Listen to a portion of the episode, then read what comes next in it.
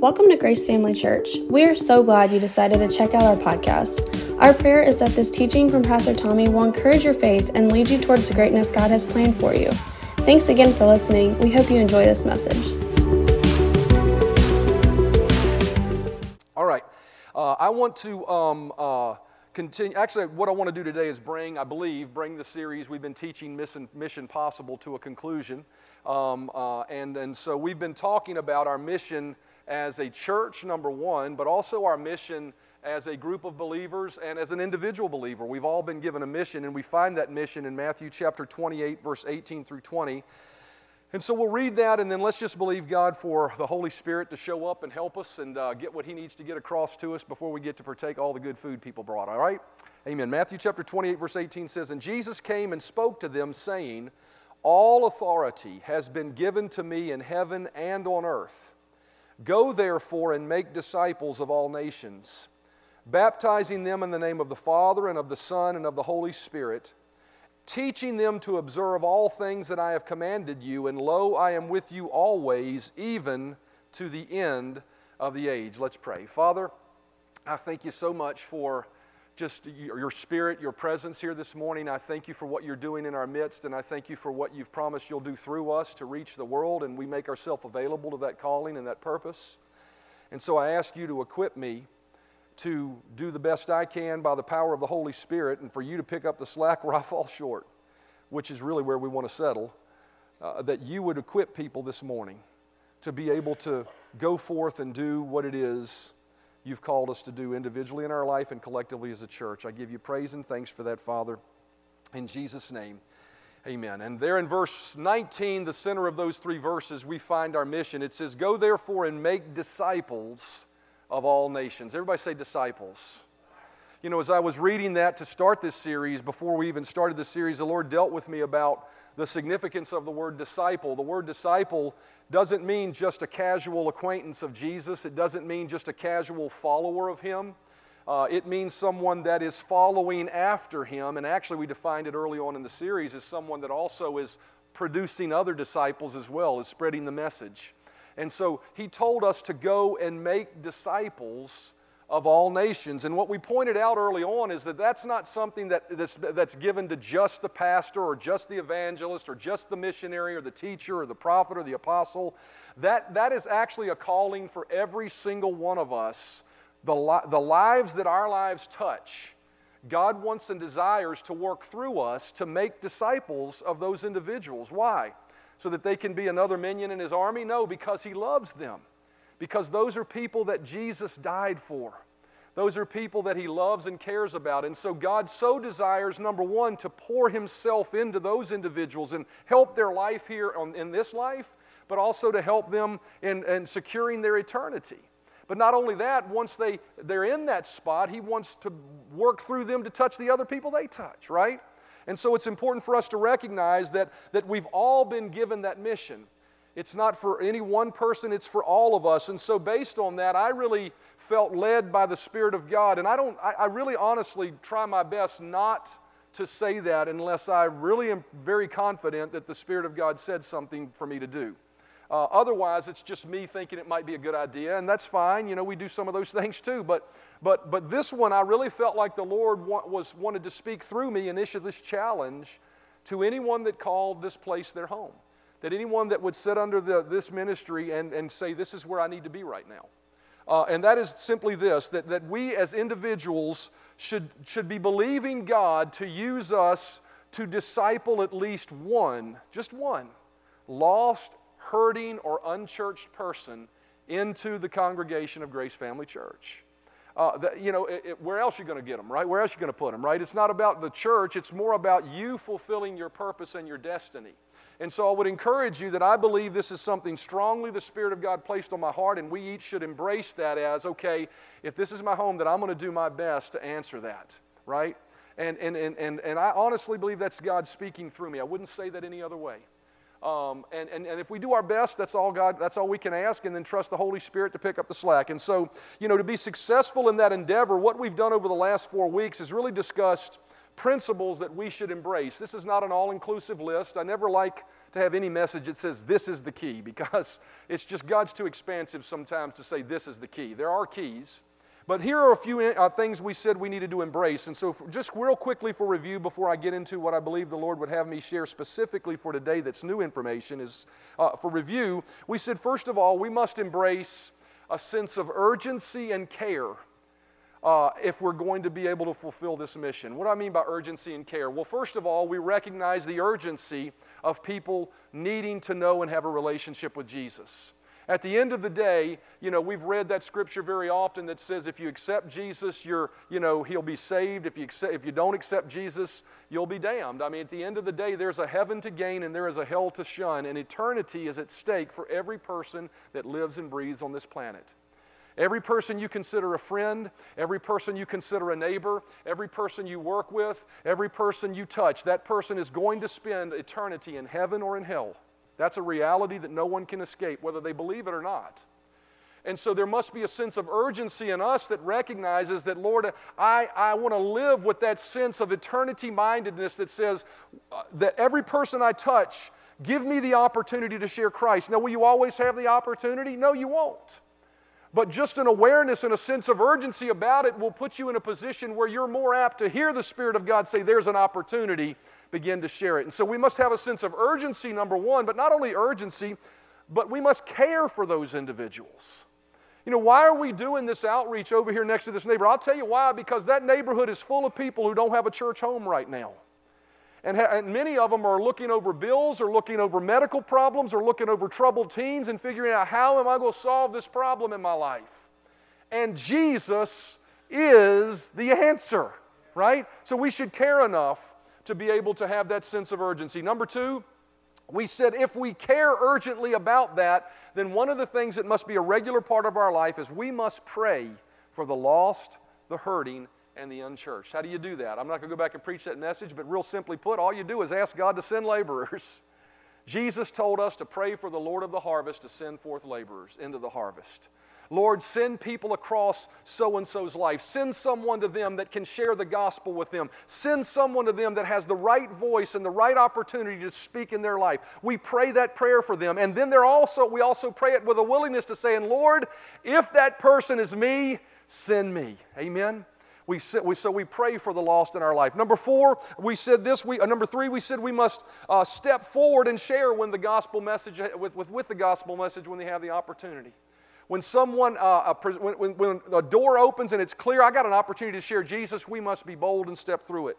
And then number four, we said last week, we must be willing to bring them to the house of God. Everybody say, bring them to the house of God. Why is that so important? Well, first of all, because Jesus told us to do it. He said, Go out into the highways and byways and bring them so that my house may be full. But why do we bring them? Why do we stress the word bring instead of invite? Because to be a disciple, you must be a disciple, right? You got to be involved in walking along the path regularly. And so it, it, we should be people that are encouragers, not, not so much, I need to get you to church because I got to make my quota, but because we, we care about that person. If you see somebody, like as a church, if you see somebody this morning that's missing, man, you should be reaching out to them and encouraging them that we miss them and we want to see them at church because God cares about them. And there are things here in this church that can help you, right? There's the anointing. There are people that can rub off on you and strengthen you. There's so many good things that happen from going to church. We should never fall into the mode of, well, you know, you know, because there's a lot of people say you don't have to go to church to be a Christian. Well, you may not have to go to church to be a Christian, but you certainly have to go to church to be a disciple. Amen. And we're not called to make just Christians, we're called to make disciples. Thank God they got into heaven by the skin of their teeth, but man, God wants so much more for them. Why? Because He don't want them floundering in life. He don't want them feeling the pain of sin and, and, and living a life that is contrary to a renewed mind that is in line with the Word of God. And so we must bring people to church. So that's the introduction, all right? I know you guys are hungry, the food's smelling good, so I want to get you to, to, to really the last principle that I believe we need to take a look at and embrace if we're going to be successful in making disciples. And we find that principle in Acts chapter 4, verses 29 through 31. And notice, uh, uh, to set this up, you know, this is Acts chapter 4, and so, you know, the disciples that were following Jesus in Acts chapter 1, they received the commission to go to Jerusalem and, and received power so that they could be a witness, and they went to Jerusalem and they received power, and people recognized the outpouring of that power and said, What is all this? And Peter, who only a few days prior had denied Jesus, stood up in front of 3,000 people and said, I'm not ashamed of who Jesus is. I'm going to tell you about who he is. And 3,000 people committed their life to Christ that day. Right? That happened in Acts chapter 2. Acts chapter 3, Peter and John and that church is functioning. They're doing their thing. And, and Peter and John go down to the gate, beautiful, to the temple to, at the hour of prayer to pray. And they see a man there that's hurting and, and, and lame from birth. And they speak to him, and God miraculously heals the man. And because of it, uh, a lot of people that didn't like Jesus and didn't want the message of Jesus to get out got worked up and said, Look, if you go talk about Jesus anymore, we're going to throw you in jail for it. And then we find ourselves in Acts chapter 4 right here, where Peter and John come back to the, the company of believers and say, here's where we're at. There is pressure outside of the church for us not to share the gospel. And so they prayed something very specific here in Acts chapter 4 and verse 29. It says, Now, Lord, look at their threats and grant your servants that with all boldness, everybody say boldness, that with all boldness they may speak your word by stretching out your hand to heal, and that signs and wonders may be done through the name of your holy servant Jesus. And when they had prayed, the place where they were assembled together was shaken, and they were all filled with the Holy Spirit, and they spoke the word of God with boldness. Notice that the early church asked God to grant them boldness. One of the key ingredients that we must have as a group of believers, if we're going to be successful in making disciples, is each one of us need to be endowed with holy boldness in our life. Now, here's the thing that's interesting I want you to see about that boldness. Notice they said, Grant unto us boldness. Now, if you're asking somebody for something, then typically you're asking them for that because you don't either have it or you don't have enough of it right? So, the thing that I want you to recognize here is what these people were praying for. That word grant actually means to bestow or give us as a gift. These people were asking for a gift from heaven of holy boldness. They were asking for something that was outside of themselves. They were not praying, Lord, give us the personal courage to muster up the strength to swallow hard and share the gospel. See, because if that was the case, they'd be doing it, that boldness would be mustered from their own personal strength. But what they were praying, Lord, was you endue us with so much power and so much anointing that we have this boldness that we naturally can't help but share it, right? See, when a person is proud of their children and they've done something, they have no problem of posting that on Facebook. They're bold about it. Why? Because they are full of joy about it. For us to share the gospel, it shouldn't be something that we have to muster up personal courage for and swallow hard and do with fear and trepidation. There should be an anointing of boldness that comes upon us so that when we share it, it's just a natural outflow of who we are because we're just so excited about Jesus. And so this prayer was a prayer for them to, to uh, for, for God to give them something that was outside of themselves. And so I'm telling you this morning that one of the things we need to be successful as a group of believers is we need something that is great. As a believer, you've got all things that pertain to life and godliness, but there is something from heaven that we need to be endued with to be able to fulfill this calling. Now, if you notice, the Jewish Sanhedrin, as I said before, had forbade them to speak the truth. There was resistance to them speaking the truth. There was something outside in the world around them telling them you shouldn't do this. Now, we may not have a Jewish Sanhedrin that's telling us we can't speak the truth, but I can tell you this we certainly have a culture that's telling us that. We have a woke culture that says if you tell somebody there's only one way to Jesus, then you're uncaring and you're uncompromising and you're not embracing people like you need to. But the truth of the matter is, Jesus said, I am the way, I am the truth, I am the life, and no man comes to the Father except through me. Well, if that's the case and eternity's at stake, we need to have a boldness that cares enough to say, listen, I don't care whether you're offended or not, I don't care what resistance there is, I'm going to share that gospel. You know, so there's maybe not a Jewish Sanhedrin, but there's certainly a, a, a culture that's a Sanhedrin in our life telling us we shouldn't share. A woke culture that tells us you can't do anything that would call somebody not out in a bad way, but that would let them know that what they're doing is not good for them, right? Not only that, but then, you know, the other resistance we can have in our life to sharing the gospel is our own, as I said earlier in this series, our own desire to be liked. Right? We want to be liked so much that we don't want to offend somebody. At work, we may not want to share it because if we share it, it might put strain on the relationship because there needs to be strain in that person's life to see that they need Jesus, right? But we want to be liked so much that we don't want to put that strain on it. It may be our own personal compromise and our own problems that are telling us we're not worthy of being able to, or we don't have the ability. Whatever the resistance is, there is a boldness from heaven that can come upon us that these people prayed for that will cause us to go out of here and be able to share the gospel with others. And so they prayed for boldness. Now, there are two things about their prayer request for boldness that I think we need to recognize if we're going to receive it. How many of you believe that if we pray a prayer, we should receive the answer to the prayer if it's going to be a successful prayer? Right? So, if we want to receive the boldness that they prayed for, like they did, then there's some things we need to recognize number one, about how they prayed, and number two, about what they received. Number one, I want you to notice that their request for boldness was founded upon a specific biblical precedent. What do I mean by that? They actually quoted a verse of Scripture to God to remind Him of what He did for someone in the past as a foundation for them to ask for what He would do for them in the future.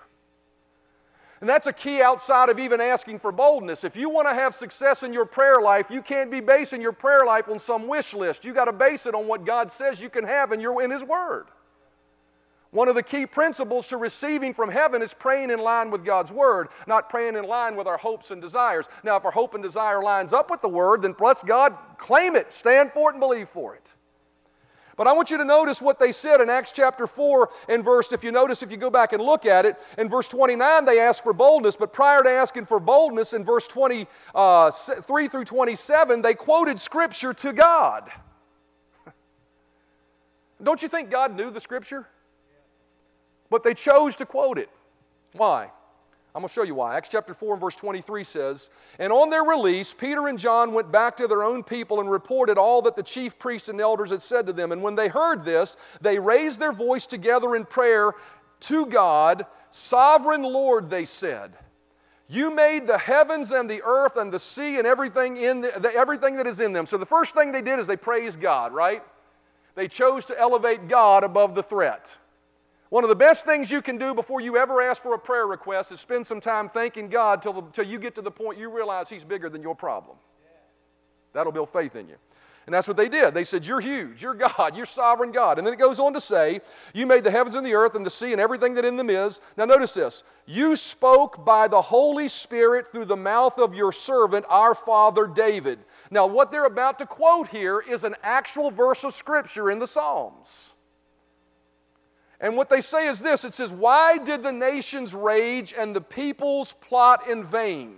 The kings of the earth rise up and the rulers band together against the Lord and against his anointed one. Indeed, here, and now they're going to take that verse. So that's the verse. And now they're going to quote the very situation and circumstance that led to the crucifixion of Jesus. It says, Indeed, Herod and Pontius Pilate met together with the Gentiles and the people of Israel in the city of to conspire against your holy servant Jesus, whom you anointed. So I want you to notice they cited two things before they ever asked for boldness. They cited Psalm chapter 2, verses 1 and 2, and how that related to the crucifixion of Jesus. So I think it's important for us to go back to Psalm chapter 2, verses 1 through 7, because there's something in this that I believe will create faith in us to be able to receive this supernatural boldness that's beyond our own ability this morning, even. Psalm chapter 2 and verse 1 says this. This is the very quote, this is the very verse that they quoted. Why do the nations conspire and the people plot in vain?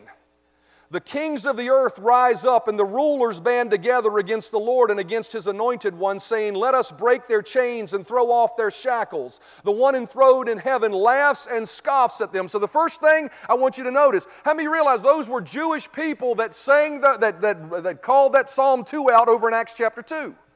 They knew the scripture. They knew what followed. And what they said was this it says, The one enthroned in heaven laughs and scoffs at them. So the first thing you need to recognize is they quoted that verse of, of people rising up against the kingdom of God and against the things of God and the purpose of God. And they quoted it in light of knowing that God laughs at that kind of stuff.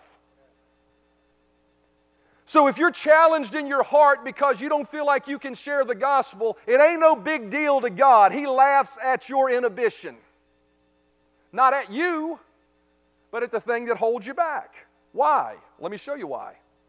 Verse 5 he rebukes them in their anger and terrifies them in his wrath, saying, I have installed my king in Zion, on Zion and my holy mountain. Why does he laugh? He doesn't just laugh at it, but he shows up with his power to address the problem. Notice he says, I'm going to do this.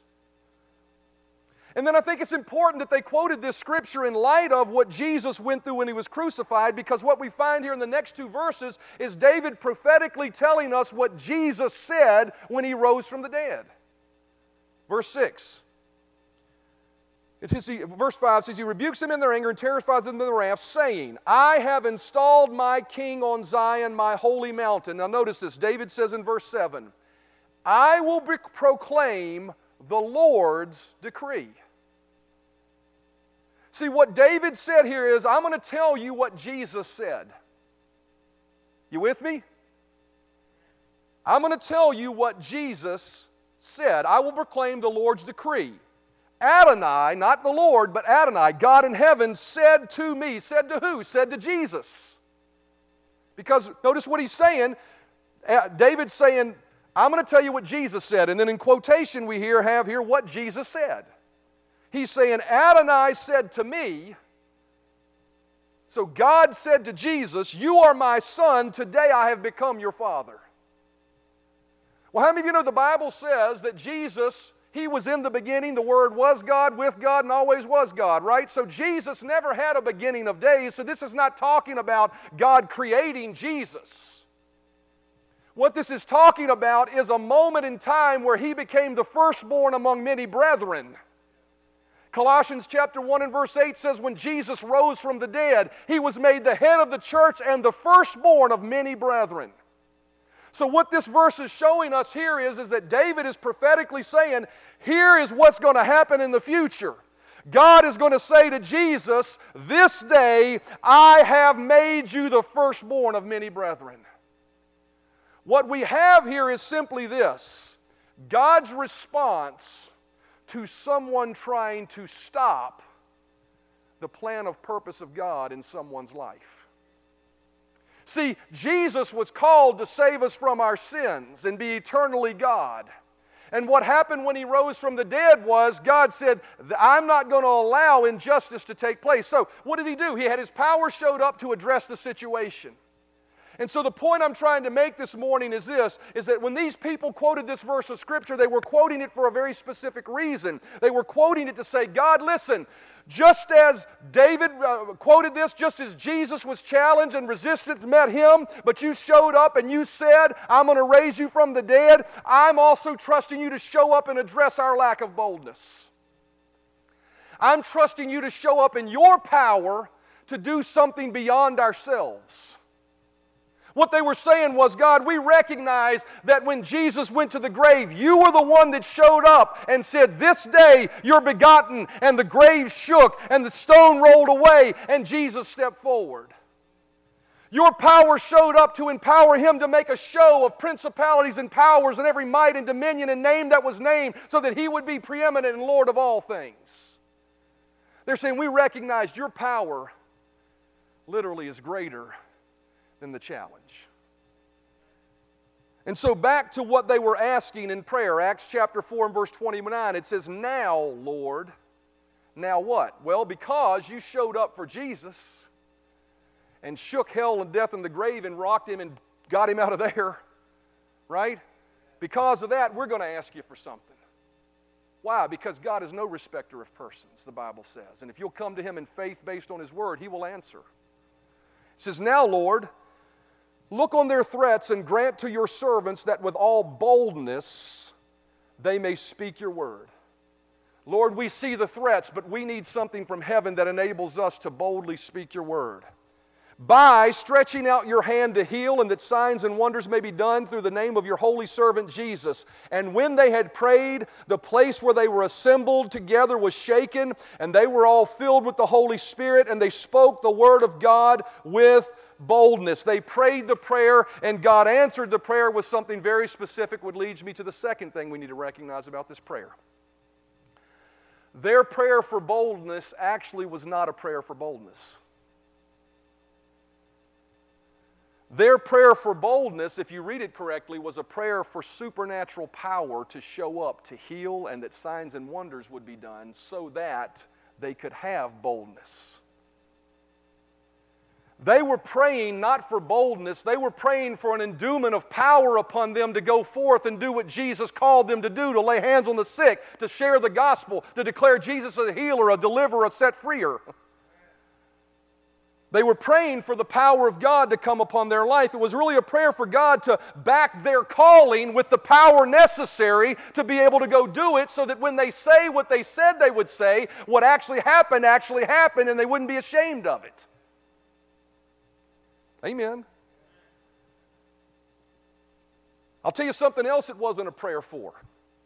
It wasn't a prayer for buildings or great coffee or great light shows in a church. Right? It was a prayer for the power of God to show up. It was a sincere, desperate heart cry for something supernatural to show up in their midst to equip them to be able to walk out of there and be able to naturally declare the Word of God. Even though their flesh may resist, there's something in them stronger and greater that allowed them to be able to declare what God said about what He wanted them to share with the world around them. Amen. The early believers recognized their success wouldn't come from anything within their natural selves. It could only come from the Holy Spirit. They realized what the psalm said it's not by might nor by power, but by my Spirit, says the Lord.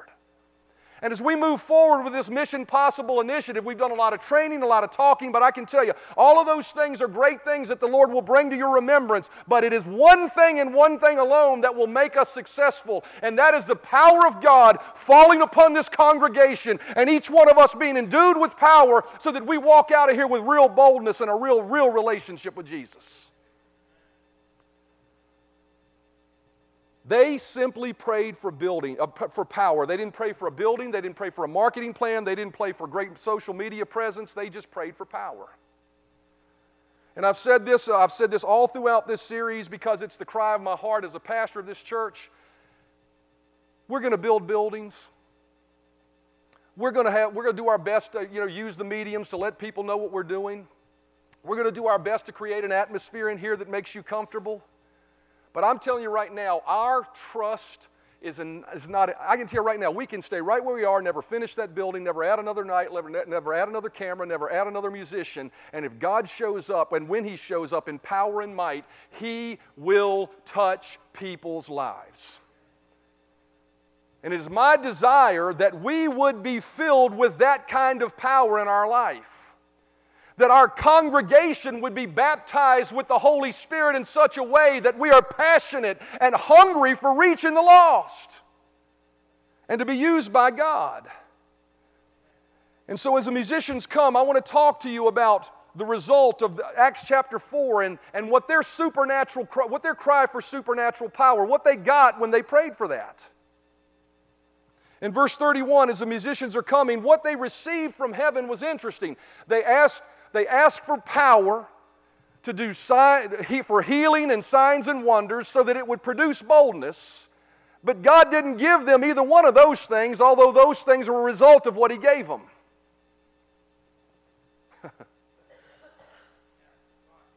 The result was, in verse 31 says, And when they had played, the place where they were assembled together was shaken, and they were all filled with the Holy Spirit, and they spoke the word of God with boldness. What they received was the infilling of the Holy Spirit.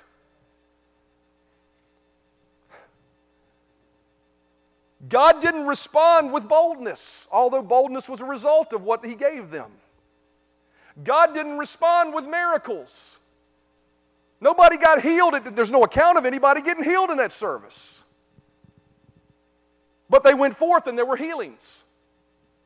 What they got was the infilling of the Holy Spirit. Boldness is a result of being, I'm talking about holy boldness. I'm not talking about mustered up individual personal courage. I'm talking about true heavenly holy boldness that rests upon a person that causes people to say, something, something there, I can't put my finger on something different there.